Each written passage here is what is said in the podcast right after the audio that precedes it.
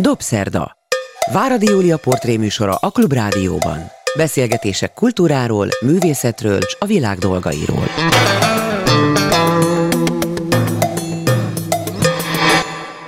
Jó estét kívánok, ez a Dobszerda, én Váradi Júlia vagyok. Jó napot kívánok azoknak, akik vasárnap délben hallgatják a műsorunkat ismétlésben. Jó napot kívánok azoknak, akik videón néznek minket szerintem nagyon örülnek, mert Tóth Krisztát látják, és őt nagyon jó látni. És akkor most belevágunk egy olyan beszélgetésbe, amiben előre bocsátom, hogy nem lesz minden vidám. Az élet se vidám, meg Tóth Kriszta érzékenysége, a nagyon finom érzékenység, ami a világra nyitottságát biztosítja, arra kötelezi valószínűleg, vagy arra kényszeríti, hogy olyasmit is észrevegyen, amit talán az ember úgy nap mint nap nem vesz észre, de amikor összegezve látja vagy olvassa, akkor rádöbben, hogy te jó ég, miben élünk.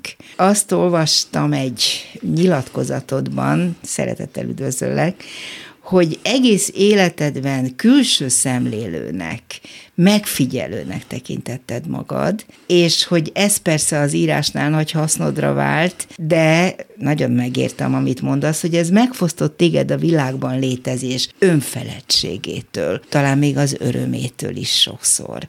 Ez pontosan mit jelent, Kriszta? Kezdjük ezzel, mert ez lehet, hogy rávezet néhány olyan dologra, amiről mindenképpen beszélgetni szeretnék veled ma. Jó estét, jó napot kívánok! Érdekes, hogy ezzel kezdted, Júli, ezzel az idézettel. Tegnap fejeztem be egy szöveget, amit a heti Fortepán sorozatba írtam. Talán láttad már ezeket az eszélyszerű írásokat, amelyeket fényképekkel párosítanak. Mindig Igen. egy tematika köré szövődik az írás. Én a dobogó pódium tematikát kaptam, ami csak elsőre tűnik kicsit uh, irodalom idegennek. Aztán nagyon jól sikerült ezt körbejárnom, és arra jutottam miközben ezt a szöveget fogalmaztam, hogy mennyire idegen volt tőlem mindig a kilépés, a megmutatkozás, a színpadon levés. A dobogó pódium. A dobogó, a dobogó a pódium, és mennyire szerettem a szélen rejtőzködni, és onnan figyelni.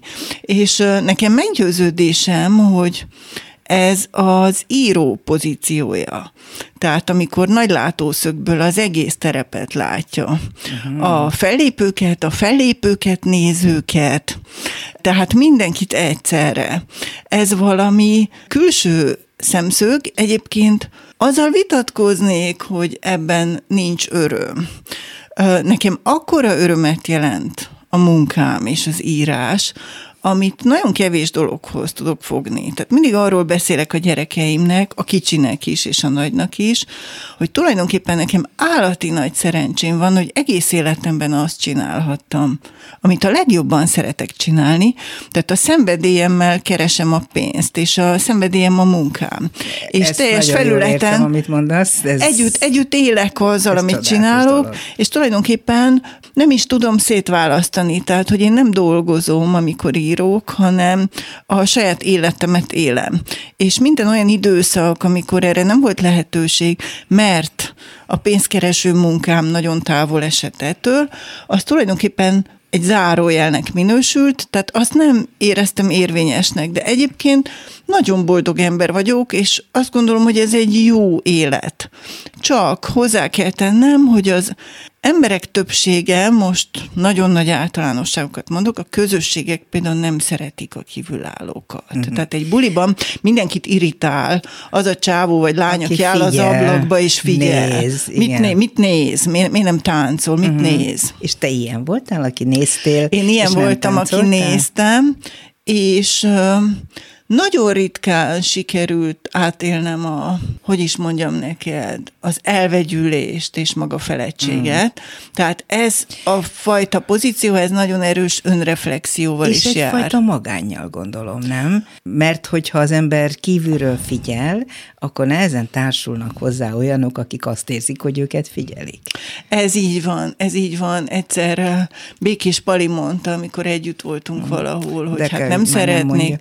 Nem de nem szeretnék azok helyében lenni, akiket te így nagyon megnézel, mondta nekem a Pali viccesen. A mostani beszélgetésünknek van egy nagyon konkrét apropója, mert éppen most készül, még nem is lehet látni, én már olvashattam a legújabb regényedet, és amikor telefonon beszéltünk, akkor azt is mondtad, hogy hát bizony ez egy méregkapszula, mikor elárultam neked, hogy nem nagyon tudtam utána aludni.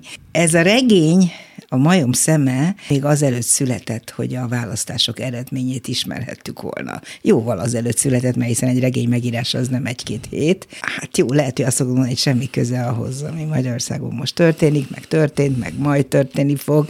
Nekem meg egy olyan képet festettél, olyan pontos és reális utópiát, ami megborzongok, most is, ha belegondolok. Lépésről lépésre a regényed szereplőivel bebizonyítottad, hogy ami itt kialakult ebben az országban évtizedek alatt, az olyan helyre vezetett el bennünket, ahonnan nincs kiút. Ezt akartad mondani? Nézd, kétségtelenül van egy ilyen lehetséges olvasata is ennek a könyvnek, de ha lehet kicsit nagyképűen fogalmazni, én sokkal általánosabb dolgot akartam ezzel közölni. Még Tehát ez a, könyv, ez a könyv nem a mai Magyarországról Jó, szól, nyilván. hanem általában arról, hogy szerintem merre tart a világ, és milyen veszélyek leselkednek ránk, és mi történhet velünk, nem csak itt. És valóban, ahogy mondtad, én több mint három évvel ezelőtt kezdtem el írni ezt a könyvet, azt egyébként mindig érdekes megfigyelnem, nem először történik ez, hogy a valóság aztán futólépésre vált, és igyekszik beérni azt, ami az irodalomban történik. Ezt nevezik nagyon... vártesznek, nem? Hogy Tóth Krisztina író műfordítóvá tesz. Nagyon vigyázni kell, hogy az ember miről írkál, mert előbb-utóbb aztán Be, a valóság bejön. beigazolja. De, de mondom, három és fél évvel ezelőtt kezdtem el írni, és, és hát arról én nem tehetek, hogy ennyire sötét lett a könyv. Ez, ez hogy mondjam, ez nem az én művem, hanem az engem körbevevő valóságé, tehát én csak igyekeztem rezonálni mindarra, ami körbevesz, és ismétlem, én nem, nem Magyarországról szerettem volna írni, ezért kerültem is a konkrét azonosítási pontokat, hogy ne Azért arról... Én találtam, nem baj? hogy ne arról, tehát hogy ne, ne úgy olvassuk ezt a könyvet, mint egy magyarországi disztópiát, hanem egy gondolatkísérletet arról, hogy mi történhet még velünk. Akkor én kiegészítem, amellett, hogy persze rengeteg humor van ebben a könyvben, azt észre kell venni, meg nagyon-nagyon pontos karakterrajzok. Azt én nálad mindig nagyon bírtam, hogy, hogy olyan pontosan, hát mondtad a figyelést, ugye ahhoz, hogy, hogy ilyen pontos lélekrajzokat és, és karakterrajzokat tudjál létrehozni, ahhoz nagyon kell ismerned azokat, akiket megfigyelsz. Ezzel minden tele van a könyv. A történetekkel is, amik nagyon érdekesek. Picit majd talán beszélünk róluk, bár hogy mondják, ezt nem akar akarok nagyon spoilerezni. Igen, ezt imádom, ezt a szót, nem tudom, te hogy vagy vele. Na minden esetre az viszont nekem ennél egy picit több, mint amit te elmondtál, ugyanis végtelenül erős a realitás érzéked, azt gondolom, és egyfajta lélektani következtetői képességed. Nem is véletlen, hogy a főhős, egyik főhős egy pszichiáter, akiről hát nagyon sok furcsa dolog derül ki, de aki pontosan látja a világot, Hát kivéve azt, ami vele történik, de most egy másik kérdés, ami végül Ezzel egyébként sokan vagyunk így, tehát, hogy ott van egy vakfolt, ahol a saját életünket kellene látnunk, tisztán látnunk. Igen, igen, abban nem látunk bele, hát ő sem, de minden egyébben igen. És hogy te, mintha lépésről lépésre bizonyítani tudnád, hogy miből mi következik. Az jutott eszembe, mintha valami matematika példát oldanál meg. Volt ilyesmi az írás közben? Nézd, én a struktúrák megszállótja vagyok, tehát mindig, amikor írok valamit, akkor készítek egy szerkezetrajzot.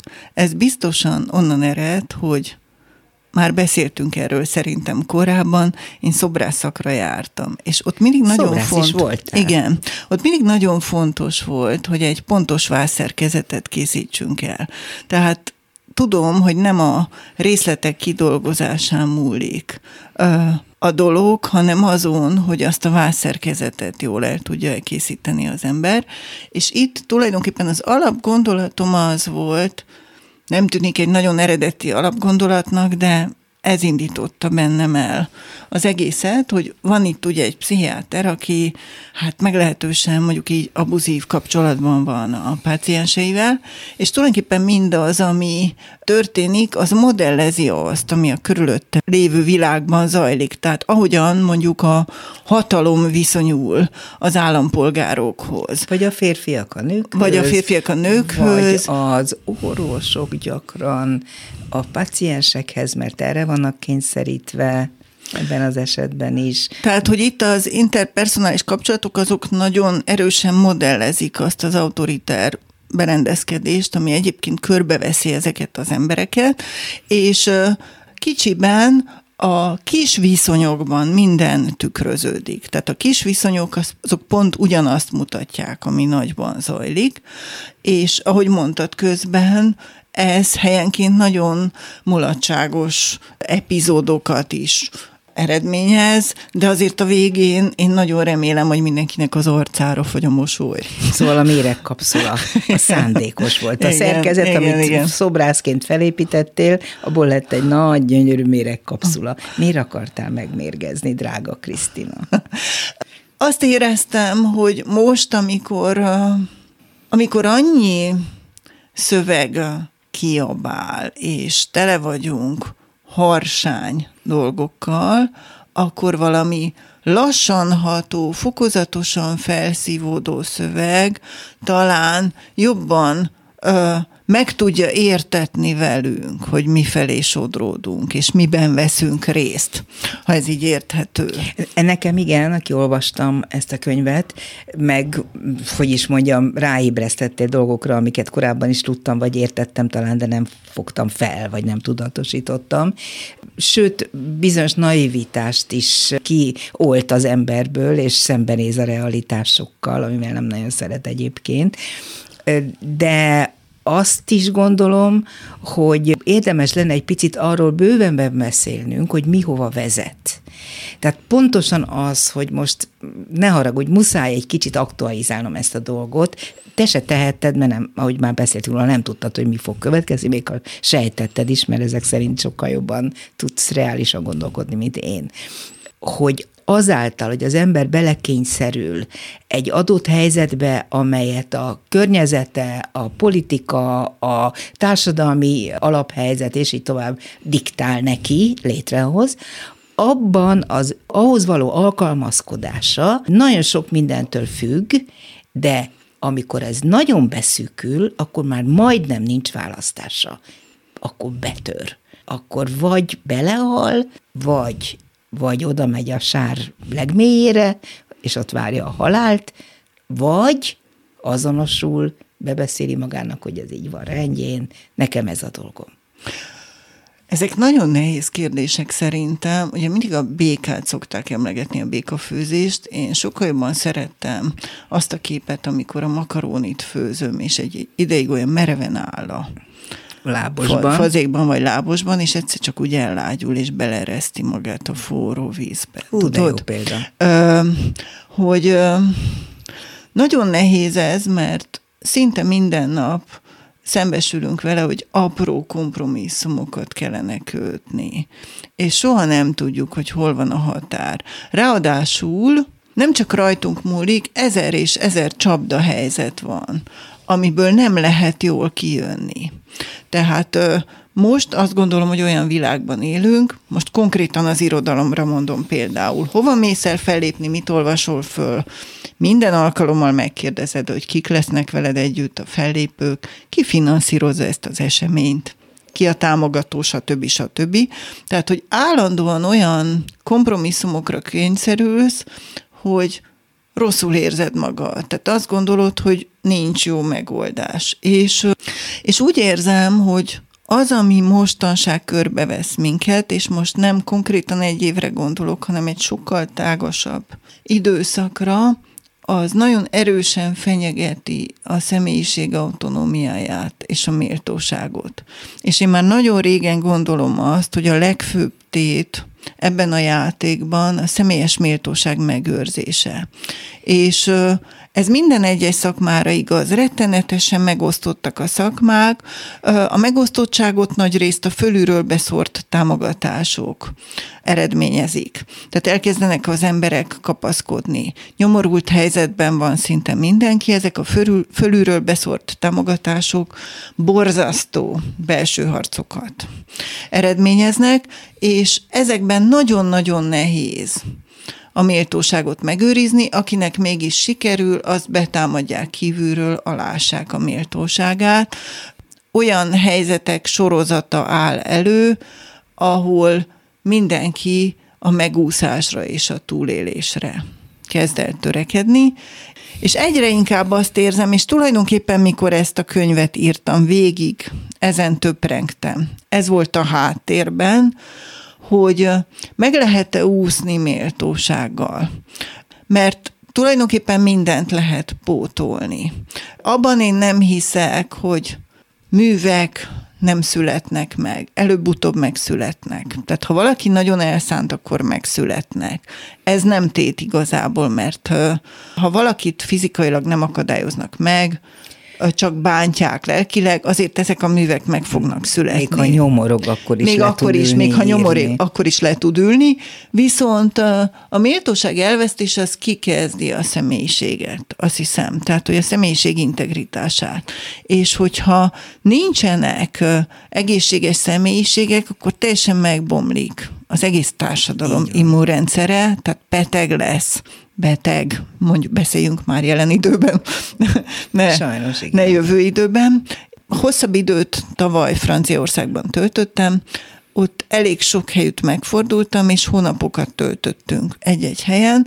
Nekem nagyon érdekes volt látni, hogy milyen erős a helyi kis közösségek önszerveződő hálózata. Tehát irodalmi kör, múzeumlátogatók, baráti köre, turisták, stb. stb. Tehát ezek a kis önszerveződő csoportok, és hogy milyen erős emiatt a társadalmi immunitás. És hogy ez nálunk fölszámolódott, tönkrement. Tönkretették. Tönkretették, tehát nem a tönkrement, igen, ez a tönkrement. ez egy, így van, lehetnek. így van, és hogy, hát gondolj Bibóra. Igen, Ö, Tehát, hogy, hogy ezek tönkrementek, és, és most már mindenki kis úszójégtáblákon evez, és a személyes méltóságáért küzd külön-külön. Igen, pont ezt akartam volna mondani neked, hogy egy ilyen torzult lelkű és személyiségű emberekből összeállított társadalomban, mint amilyennél lassan mi tényleg nem is tudom, nagyon lassan válni kezdünk, hogy ott milyen taktikák, praktikák, milyen tudatos irányok lehetségesek. Hát ugye van itt a könyvedben egy főszereplő, aki egyes szám első személyben beszél egy nő az egyetemen, tanít, és ő próbálja megőrizni az integritását. Neki se nagyon sikerül, de valamelyest igen, nagyon nehezen. Na most lehet-e normális életet élni, egyáltalán életet élni, úgyhogy az embernek állandóan küzdenie kell a saját személyisége tisztaságának megőrzéséért, és valóban, tehát ezek a, ezek a határmesdjék, ezek hogyan tapinthatóak ki, hogy érzékelhetőek, honnan tudom, hogy mikor léptem át, és így tovább. Tehát ezt, ha fölrajzoltad azt a bizonyos szerkezetet, vagy megépítetted, akkor abban volt erre vonatkozóan is magadnak szánt utasítás? Volt. Én mindenképpen azt szerettem volna, hogyha az én főhősöm, ez a nő, akiről most beszéltél, ez fejlődik. Tehát, hogyha ráébred, ez egy olyan szereplő, aki tulajdonképpen teljes érzéstelenítésben éli a mindennapjait, tehát ennek a nőnek a regény elején nincsenek érzései, mindenre azt válaszolja, hogy nem tudom. És van egy pont a könyvben, amikor egyszer csak elkezdjük őt látni, és ő is elkezdi saját magát érzékelni, a saját körvonalait, és ezzel együtt a saját határait. És nagyon radikálisan elkezdi kijelölni ezeket a határokat, Hozzátenném, hogy bőven késő van ehhez, de, de megteszi legalább. És van egy másik főszereplőnk, akit viszont az elején szerzői szándék szerint rokonszenvesnek érzékelünk, és Sikerül. fokozatosan veszti el a mi szimpátiánkat, remélem, hogy teljesen igen, a végére. Igen. Tehát, hogy számomra az is izgalmas volt, hogy mást érzékelnek a szereplők, és teljesen mást érzékel az olvasó, és egy idő után kezdjük összerakni ezekből az érzékelés mozaikokból, hogy tulajdonképpen mi is van. Ezeket a kérdéseket te így felteszed magadnak írás közben? Többször megkérdezed a szereplőidet, hogy hol is tartanak? Nézd, mindenképpen vannak meglepetések, tehát azt például, hogy az én főhősöm elkezd szexelni az anorexiás takarítónővel, azt én nem terveztem be, de annyira következett a főhős uh-huh. karakteréből, hogy ez megtörténik, hogy amikor magukra hagytam őket egy üres lakásban, akkor egész egyszerűen ez történt. ez kívül esett a szerzői szándékon, de mondom, egyenesen következett a főhős. Ezt már nem először hallom íróktól. Karakteréből. Imádom azt hallani, amikor egy író elmondja, és elhiszem, hogy nem ő gondolta ezt így, hanem a szereplő. A, Ránézett a, a szereplőm, és meglátta benne a nőt ebben a 35 kilós takarítónőben, és innentől kezdve én nem tehettem egyebet, mint rögzítettem az eseményeket, világos, amelyek világos. bekövetkeztek.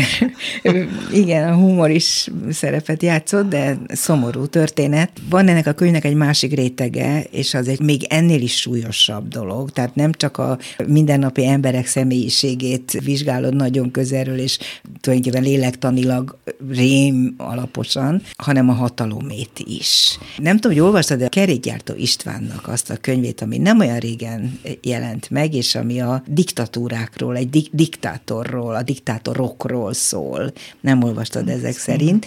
Olyan, mint a beemeltél volna részleteket abból, hogy hogy működik egy diktátor, hogyan lesz valakiből tirannus, és hogyan lesz valakiből illiberális zér, és, és mindenkinek fölé rendeli saját magát. Hogy ez a hatalomstruktúra hogyan alakul, hogyan épül. Értem, hogy az újságot könnyű elolvasni, vagy megnézni az interneten, hogy milyen hírek járnak, és mik történnek a mi országunkban, a hatalomban, vagy Franciaországban, vagy bárhol, mindegy, nem mindegy. De hogy te ennyire pontosan tudod, hogy mi a pszichózis lényege, a hatalomba kerültek számára, és hogy viszi tovább és tovább lépésről lépésre a szörnyűség felé ezeket az embereket, ehhez azért valami mást is tudnod kellett, mint sem csak egyszerűen ott állni és figyelni. Nézd, nekem mindig az az érzésem, hogy a sérelmek nagyon erős mozgatórugók. Tehát ha bevallja valaki, ha nem, a sérelmek azok folyamatosan működnek. Egy ideig felhajtó erőként, aztán már uralhatatlan sebként, a gyógyíthatatlan sebként. Tehát nagyon nehéz azt gondolni egy hajdani sérelmről, hogy akármi történik, ez bennem soha nem fog begyógyulni. És szerintem a mostani megosztottságban is nagyon erős a sérelem. Gondolj csak arra, hogy nemzedékek viszik tovább a nagyszüleik, szüleik sérelmeit. Ez normális dolog és, szerint, ez betegség. És a családok identitását nagy részt a családi sérelmek határozzák meg. Tehát, hogy elvették a földjeinket. És azt gondolom, hogy az egy beteg dolog, hogy a családok körvonalát és identitását a családi sérelmek adják, és hogy a sérelmek görgetése adja egy országban a nemzedéki folytonosságot. És a megosztottságban is az a helyzet, hogy nagyon sokszor szakmai sérelmek munkálnak a háttérben. Tehát az történik, hogy valaki évtizedek óta úgy érzi egy adott szakmában. Lehet ez tudományos vagy művészeti terület, hogy ő nincs a helyén. És egyszer csak kinyúl egy kéz a sötétből, és azt mondja, hogy gyere ide Béla közénk, majd mi elismerünk téged. Megkapod a téged megillető helyet. Nem kívánunk sokat cserébe tőled, csak ezt, meg ezt, meg ezt. Majd meglátod, hogy itt végre elismernek téged. És elkezd működni a sérelem és a fájdalom. És azonnal olyan helyre sodródik valaki, ahová önszántából soha nem kívánt volna sodródni, és egyszer csak azt veszi észre, hogy egy tömegben kiabál, és szemben egy másik tömeg áll. Azok is kiabálnak, és néha megkérdezi magától egyre ritkábban, hogy hogy kerültem én ide? És mit is kiabálok? És mit is kiabálok én? De hogy ezek, ezek folyamatok, és nem egyik pillanatról a másikra történnek, bár az a pillanat szerintem, amikor kinyúl a sötétből egy kéz, és megveregeti a vállát. Az egy pillanat. Gyere ide, az egy pillanat. És egy és, döntés. És egy döntés, és hogy ezek szerintem nagyon nehéz helyzetek, ki mondja azt kívülről ért, évtizedes sérelmek után, hogy Bélának nincs igaza, uh-huh. amikor, amikor kinyúlt egy kéz a sötétből. Amikor ő azt érezte hosszú éveken igen, keresztül, hogy, hogy ő igazságtalanul igen, így ítéltetett van, meg. Így van, és mindenkinek vannak sérelmei. Mindenkinek vannak sérelmei, tehát hogy azt meg nem lehet megúszni. Művészeti területen érzékeny emberek dolgoznak, mindenki megsérül. Aki azt mondja, hogy nem, az nem mond igazat. Tehát mindenkinek vannak fájdalmai, és ezeket a fájdalmakat aztán fizetőeszközként használják, tehát hogy megpróbálják uh-huh. kompenzálni, és szerintem ez nagyon veszélyes. Mi lesz azzal az országgal, amelyikről írtál, szerinted? Kilátástalan? Nincs, nincs esély sem? Hát én nem tudom azt a konkrét országot, hiszen én... Azzal nem, a világgal, igen, amiről írtál. azzal a világgal. Hát az a világ, amelyikről én írtam, az rohan a pusztulásba, tehát ott uh, én nem sok reményt hagytam ennek a könyvnek a végén. Fizikailag uh, is rohan a pusztulásba. Fizikailag is rohan a el, persze, pusztulásba, de ugyanakkor uh, azért itt azt szeretném hangsúlyozni, hogy itt felvillannak olyan szereplők, akiknek vannak transzcendentális kapaszkodóik. Tehát, hogy az az ápolónő, akit én megrajzoltam itt, egy mellékszereplőként, az megőrzi a személyes autonómiáját, és amikor a többiek teljesen öntudatlanul sodródnak a vesztükbe, akkor ő végig tudatos döntéseket hoz. Ez igaz. És azt én fontosnak tartottam, hogy legyen egy autonóm szereplő, aki egyébként mélyen hívő, és aki egy picit kívülről látja, hogy mi történik. Az nagyon fontos, hogy mélyen hívő legyen, mert Igen. ezt látod egyedüli kiútnak? Hát mindenképpen meggyőződésem, hogy fontosak a transzcendentális kapaszkodók, mert ezek segítenek eltávolodni és külső nézőpontokat találni, és ezek nagyon erős morális kapaszkodók és hmm. tájékozódási pontok. És kész, más nincs, csak a transzcendencia. Hát azt én mindenképpen fontosnak mm. tartom, hogy ennek a szereplőnek a hit ad támpontot ahhoz, hogy ő legalább belülről megúszza a történetet. Mm. Kívülről nem lehet megúszni. Tehát úgy értem, hogy fizikailag ő is áldozattá válik. Yeah. Júliát kérdezem meg, azért, amikor a nagyon szemét kis főszereplőnk elbukik egy IKEA fotel összerakásánál. Azt azért ör, annak Ott azért örültél. Örültem. Nyugtass meg, hogy... Annak nagyon örültem, és mikor már századszor is elbukott, akkor örültem a legjobban. A mai beszélgető partnerem Tóth Krisztina, író, költő, műfordító, hajdan szobrász, üvegművész. Hallgattam egy előadásodat, rettentően élveztem, a TEDx-en. Az irodalomról beszéltél, kérlek, hogy egy kicsit idézd vissza ezt a történetet a kamionossal, akinek elmagyaráztad részben a nő és a férfi közötti különbséget vagy hasonlóságot, valamint, hogy az irodalom miért fontos. Azt hiszem ez a lényege annak, amit te az egész világról gondolsz, legalábbis így éreztem. Jó gondolom?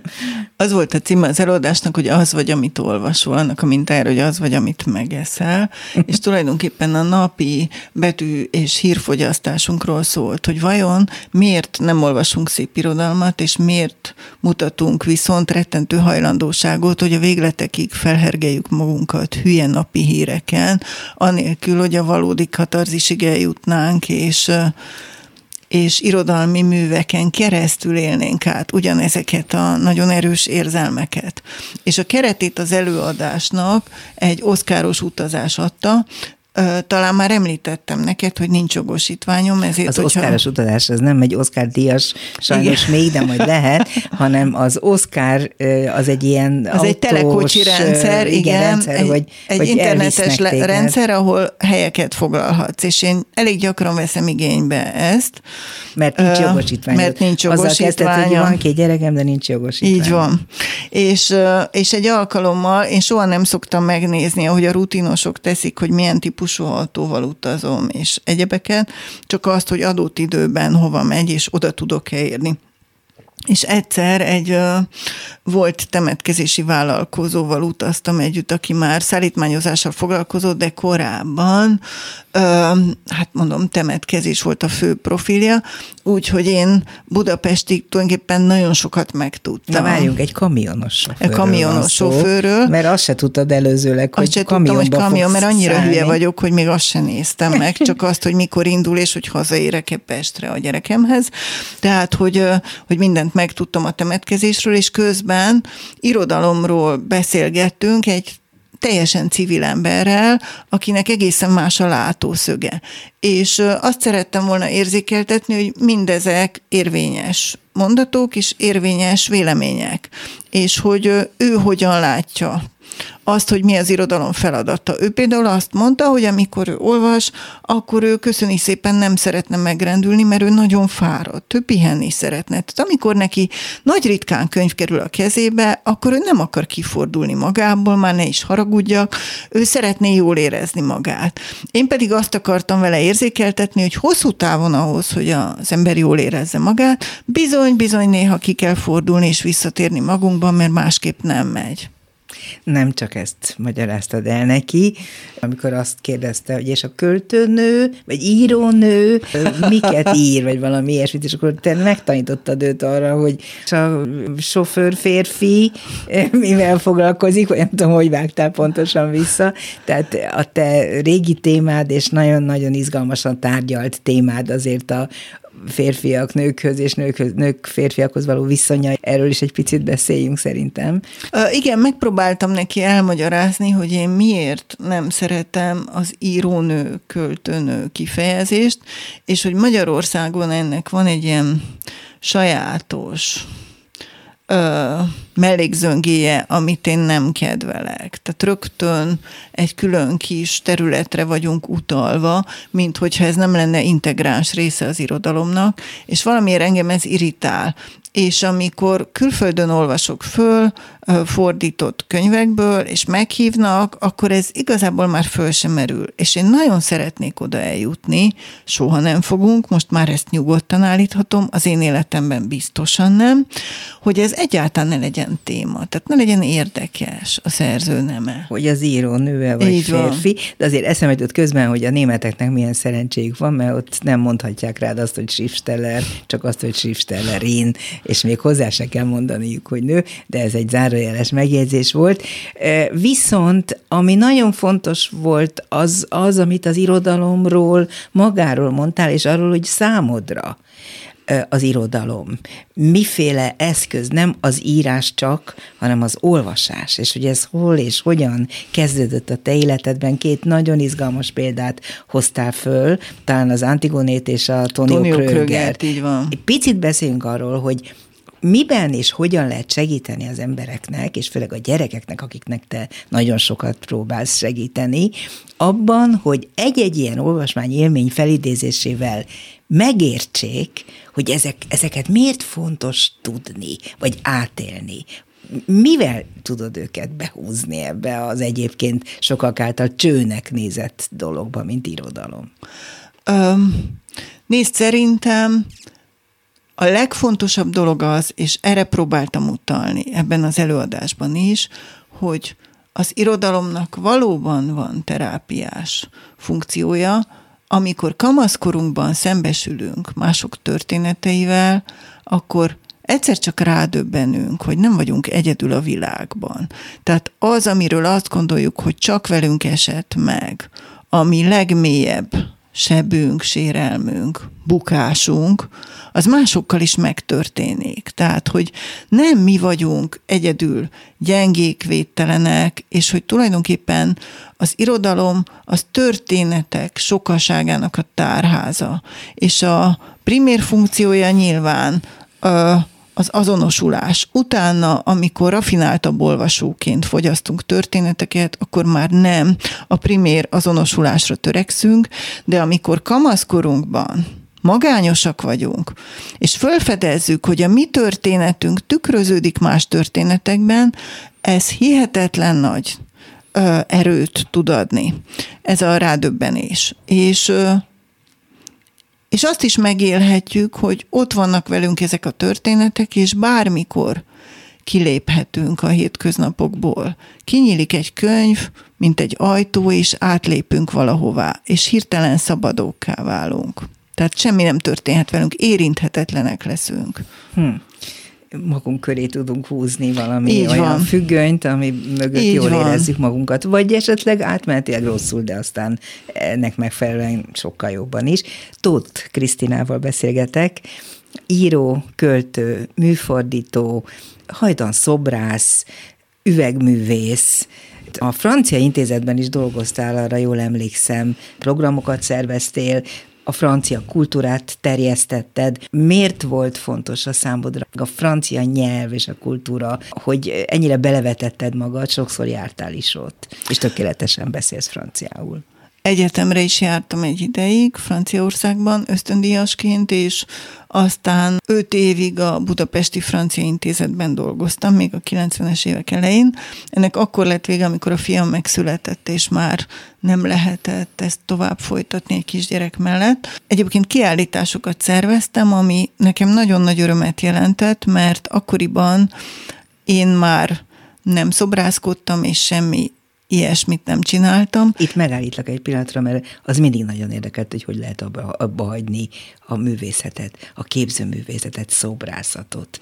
Azt lehet mondani, hogy leteszem, mert nem jót csinálok, vagy mi? Nem, egyszerűen arról volt szó, hogy hát egyrészt nem lehet egy segel két lovat ülni, mint azt tudjuk, másrészt meg, meg azt gondolom, hogy az alkotás az egy, egy gyökerű dolog, tehát hogyha az ember ír, akkor ugyanazokat a lelki tartalmakat mozgósítja, mint amikor rajzol, vagy egyebet alkot, és nekem egyre fontosabb lett az írás. Értem. Viszont mindig éreztem ezt a kis feszengést, hogyha fizikailag nem hozok létre valamit, az olyan, mint hogyha én nem is lennék. Tehát amikor nem használom a kezem, vagy a hát vizualitásomat.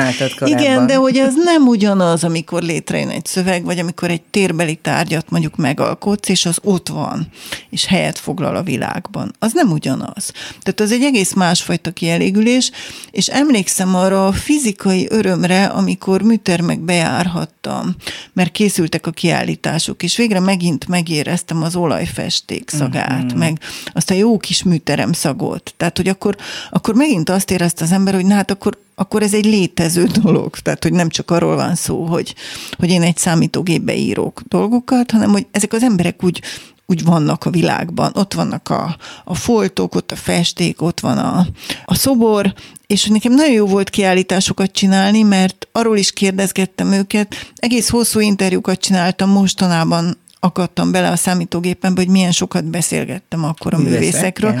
Művészekkel arról, hogy mi hogyan készül, hogyan gondolkodnak arról, amit aztán megcsinálnak.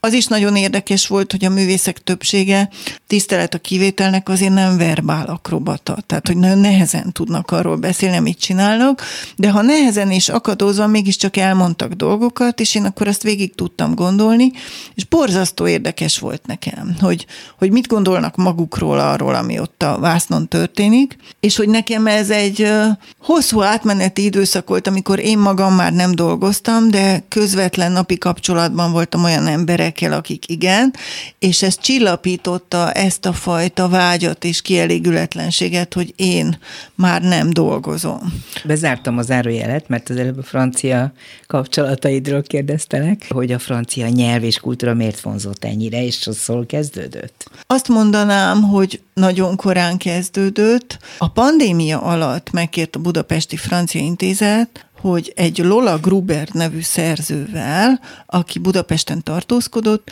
írjunk közösen egy Covid naplót. Lola Gruber egyébként úgy került Budapestre, hogy egy családregény szálait kezdte el kibogozni egy készülő családregény szálait, és rájött, hogy neki voltak Budapesten zsidó felmenői.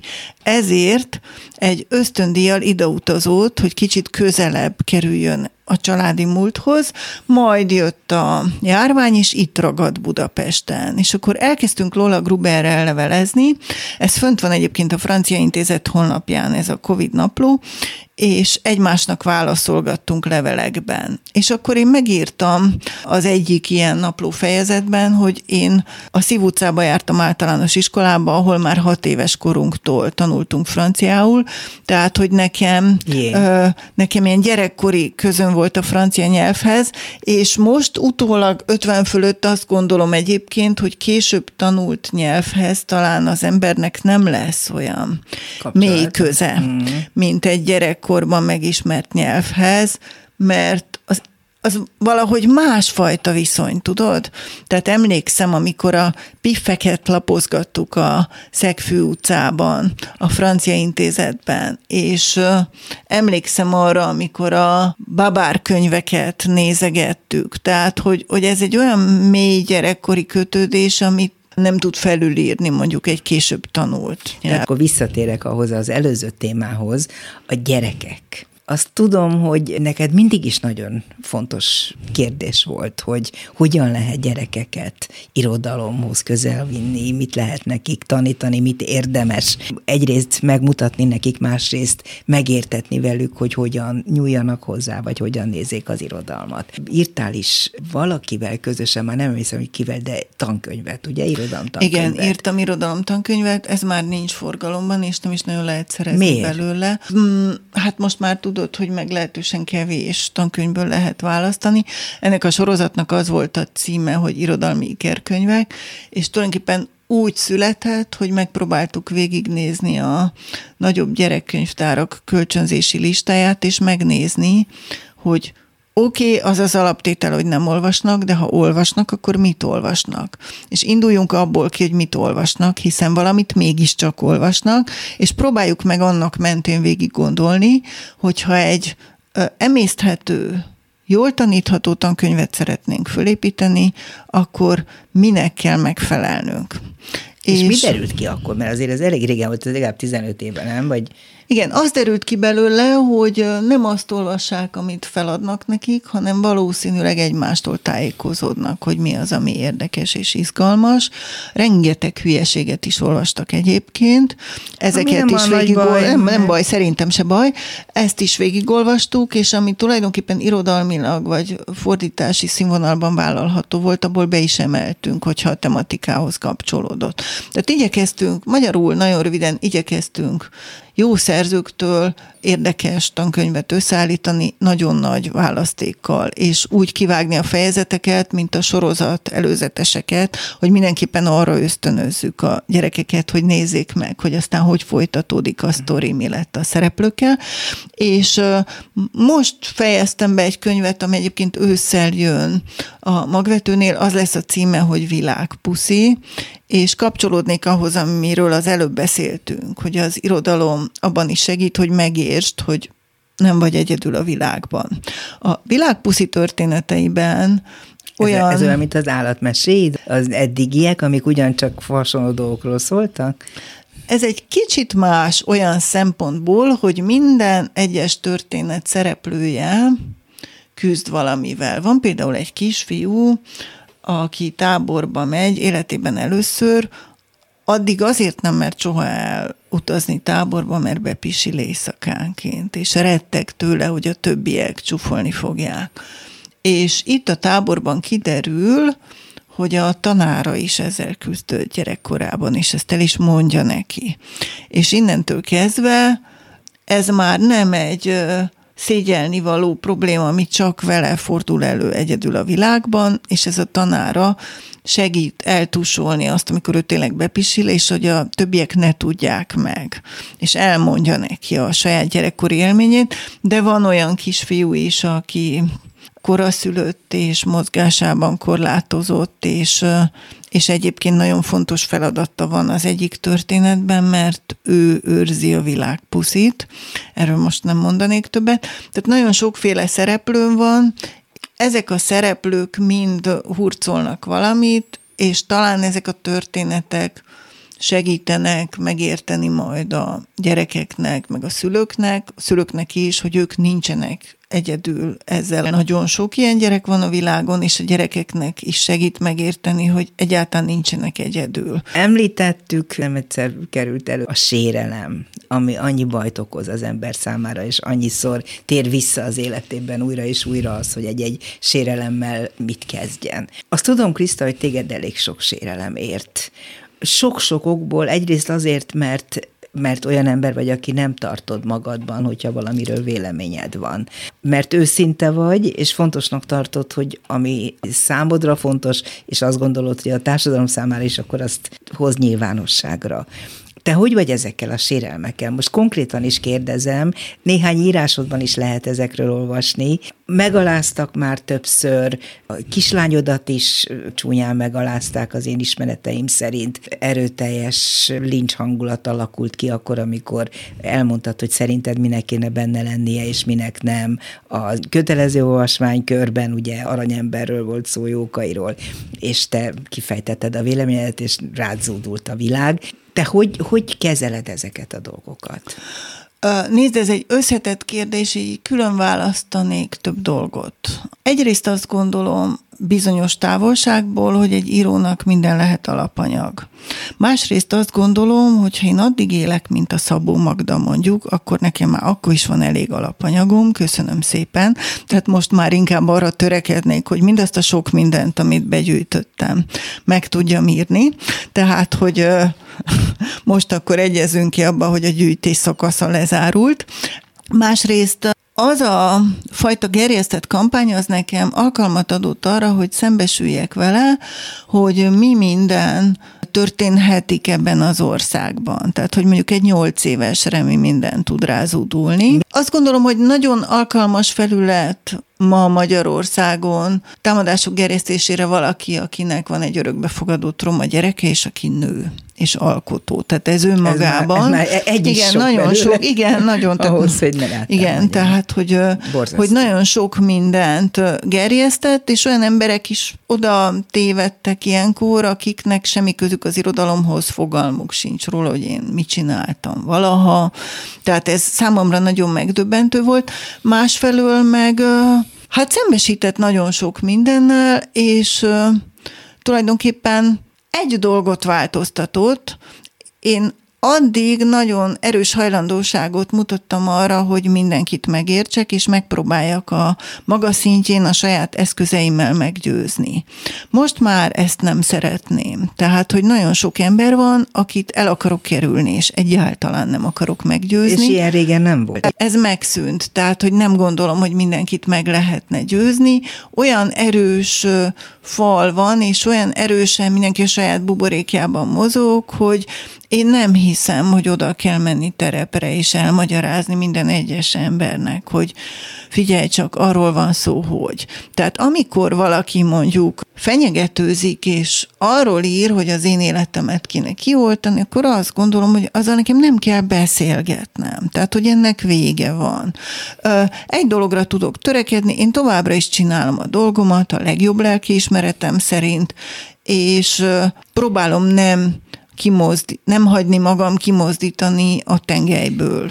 Ami hát nagyon jó, hogyha ezt meg tudod oldani, és ilyen tudatosan végig tudod ezt vezetni, de van ennek a dolognak egy másik oldala is, és nagyon kíváncsi vagyok pont azért, mert ilyen hihetetlen képességgel rendelkezel a figyelésre, hogy szerinted hogy alakul ki, mitől válik ilyen gyűlölködővé egy közösség, vagy egy része a közösségnek, ok nélkül gyakorlatilag. Tehát nem nagyon látom, hogy mi lehet az igazi ok, mert azok a dolgok, amikről beszéltél, egyike sem olyan, ami valakit személy szerint bántana. Ez sértene. biztos, hogy így van, de szerintem már a családi veszekedések is úgy modelleződnek, hogy valaki mondjuk vörös fejjel üvölt, hogy soha többé ne hajdak kurva cipődet az ajtóban, miközben egészen másról van szó.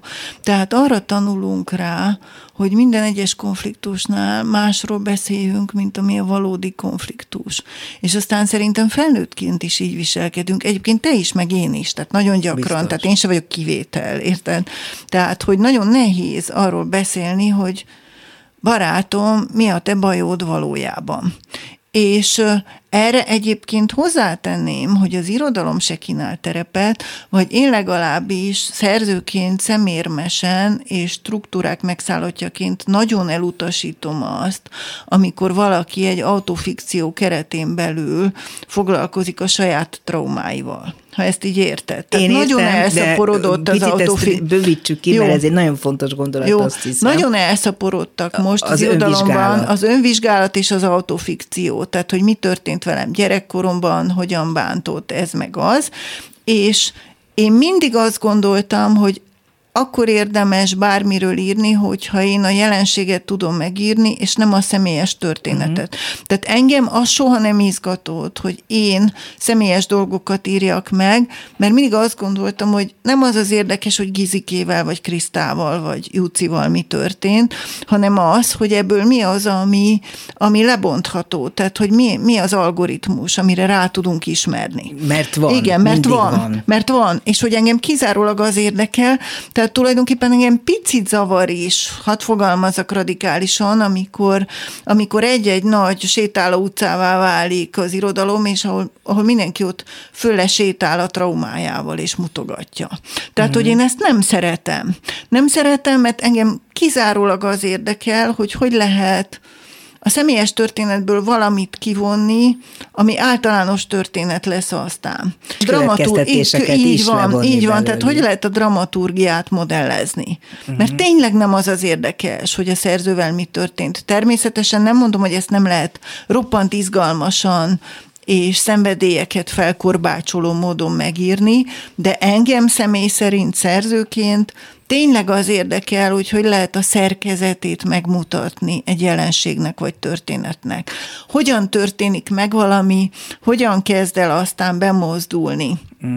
De te emberek hiszel tömege. is abban, hogy ezek a szerkezetek, ezek nagyon azonos kaptafára Igen, működnek. én hiszek benne, és tulajdonképpen látom is a hasonlóságot. Nem állítom azt, hogy az a tény, hogy látom a hasonlóságot, segít nekem, amikor egy ilyen helyzetben mondjuk én konkrét szituációba kerülök, akkor nem segít. Tehát akkor nem a hasonlóságot látom, hanem azt, hogy mi történik Gizikével a büdös Mert francba. Ezt hogy neked Igen. is segít az irodalom olykor? Uh, hogy amikor az ember személyesen érintett, akkor nem a szerkezetet látja, Igen, hanem azt, gondoltam. hogy mind, mindenki milyen hülye.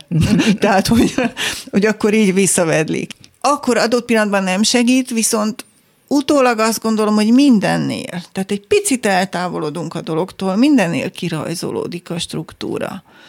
Ahogy Leonardo levezette, hogy hogyan hasonlít mondjuk az emberi érrendszer, a folyók torkolatának rajzolata, vagy a levelek rajzolata, egymásra, és hogy matematikailag ezek nagyon hasonló szerkezetek. Ugyanígy az emberi viselkedésnél is szinte modellezhető, hogy miből mi következik, és mi jön aztán. És szerintem irodalmi szempontból valójában az az érdekes, amikor ezeket az ember megpróbálja letapogatni és rögzíteni. Azt hiszem, ez neked nagyon jól szokott sikerülni. Nagyon örülök, hogy most is beszélgethettünk, és remélem, hogy még sokszor fogunk. Tóth Krisztina volt a vendégem, az egyik apropója a mostani beszélgetésünknek, ahogy ezt már mondtam, a Majom Szemet című új regény, és azt is gondolom, hogy a verseidet sem hagy tetted félre, nem úgy, mint a szobraidat, írsz verseket is folyamatosan, persze, mert azt nem lehet abba hagyni, felteszem. Hát tavaly jelent meg a Bálnadal című Igen. kötet, és azóta is. És hát meg is jelennek hmm. versek azért itt-ott, nem csak kötetben. A mai műsorban Rózsahegyi Gábor, Csorba László, Lantos Dániel és Pálinkás János segített, köszönöm szépen az ő segítségüket. Feltétlenül nézzék meg a honlapunkat, mert ott kiegészítő információkat találnak a műsorunkhoz. Hallgathatják a műsort más fórumokon is, de a honlapot mindenképpen nézzék meg, és ne felejtsék el, hogy videón is látható Tóth Krisztina a beszélgetésünket, ahogy ezt most az utóbbi időben rendszeresen megtesszük, videóra is felvettük, úgyhogy a YouTube-on figyeljék a Dobszerdát. A szerkesztő műsorvezető Váradi Júlia volt. Köszönöm szépen a figyelmüket. Köszönöm a beszélgetést. Dobszerda. A világ dolgairól beszélgetett vendégével Váradi Júlia.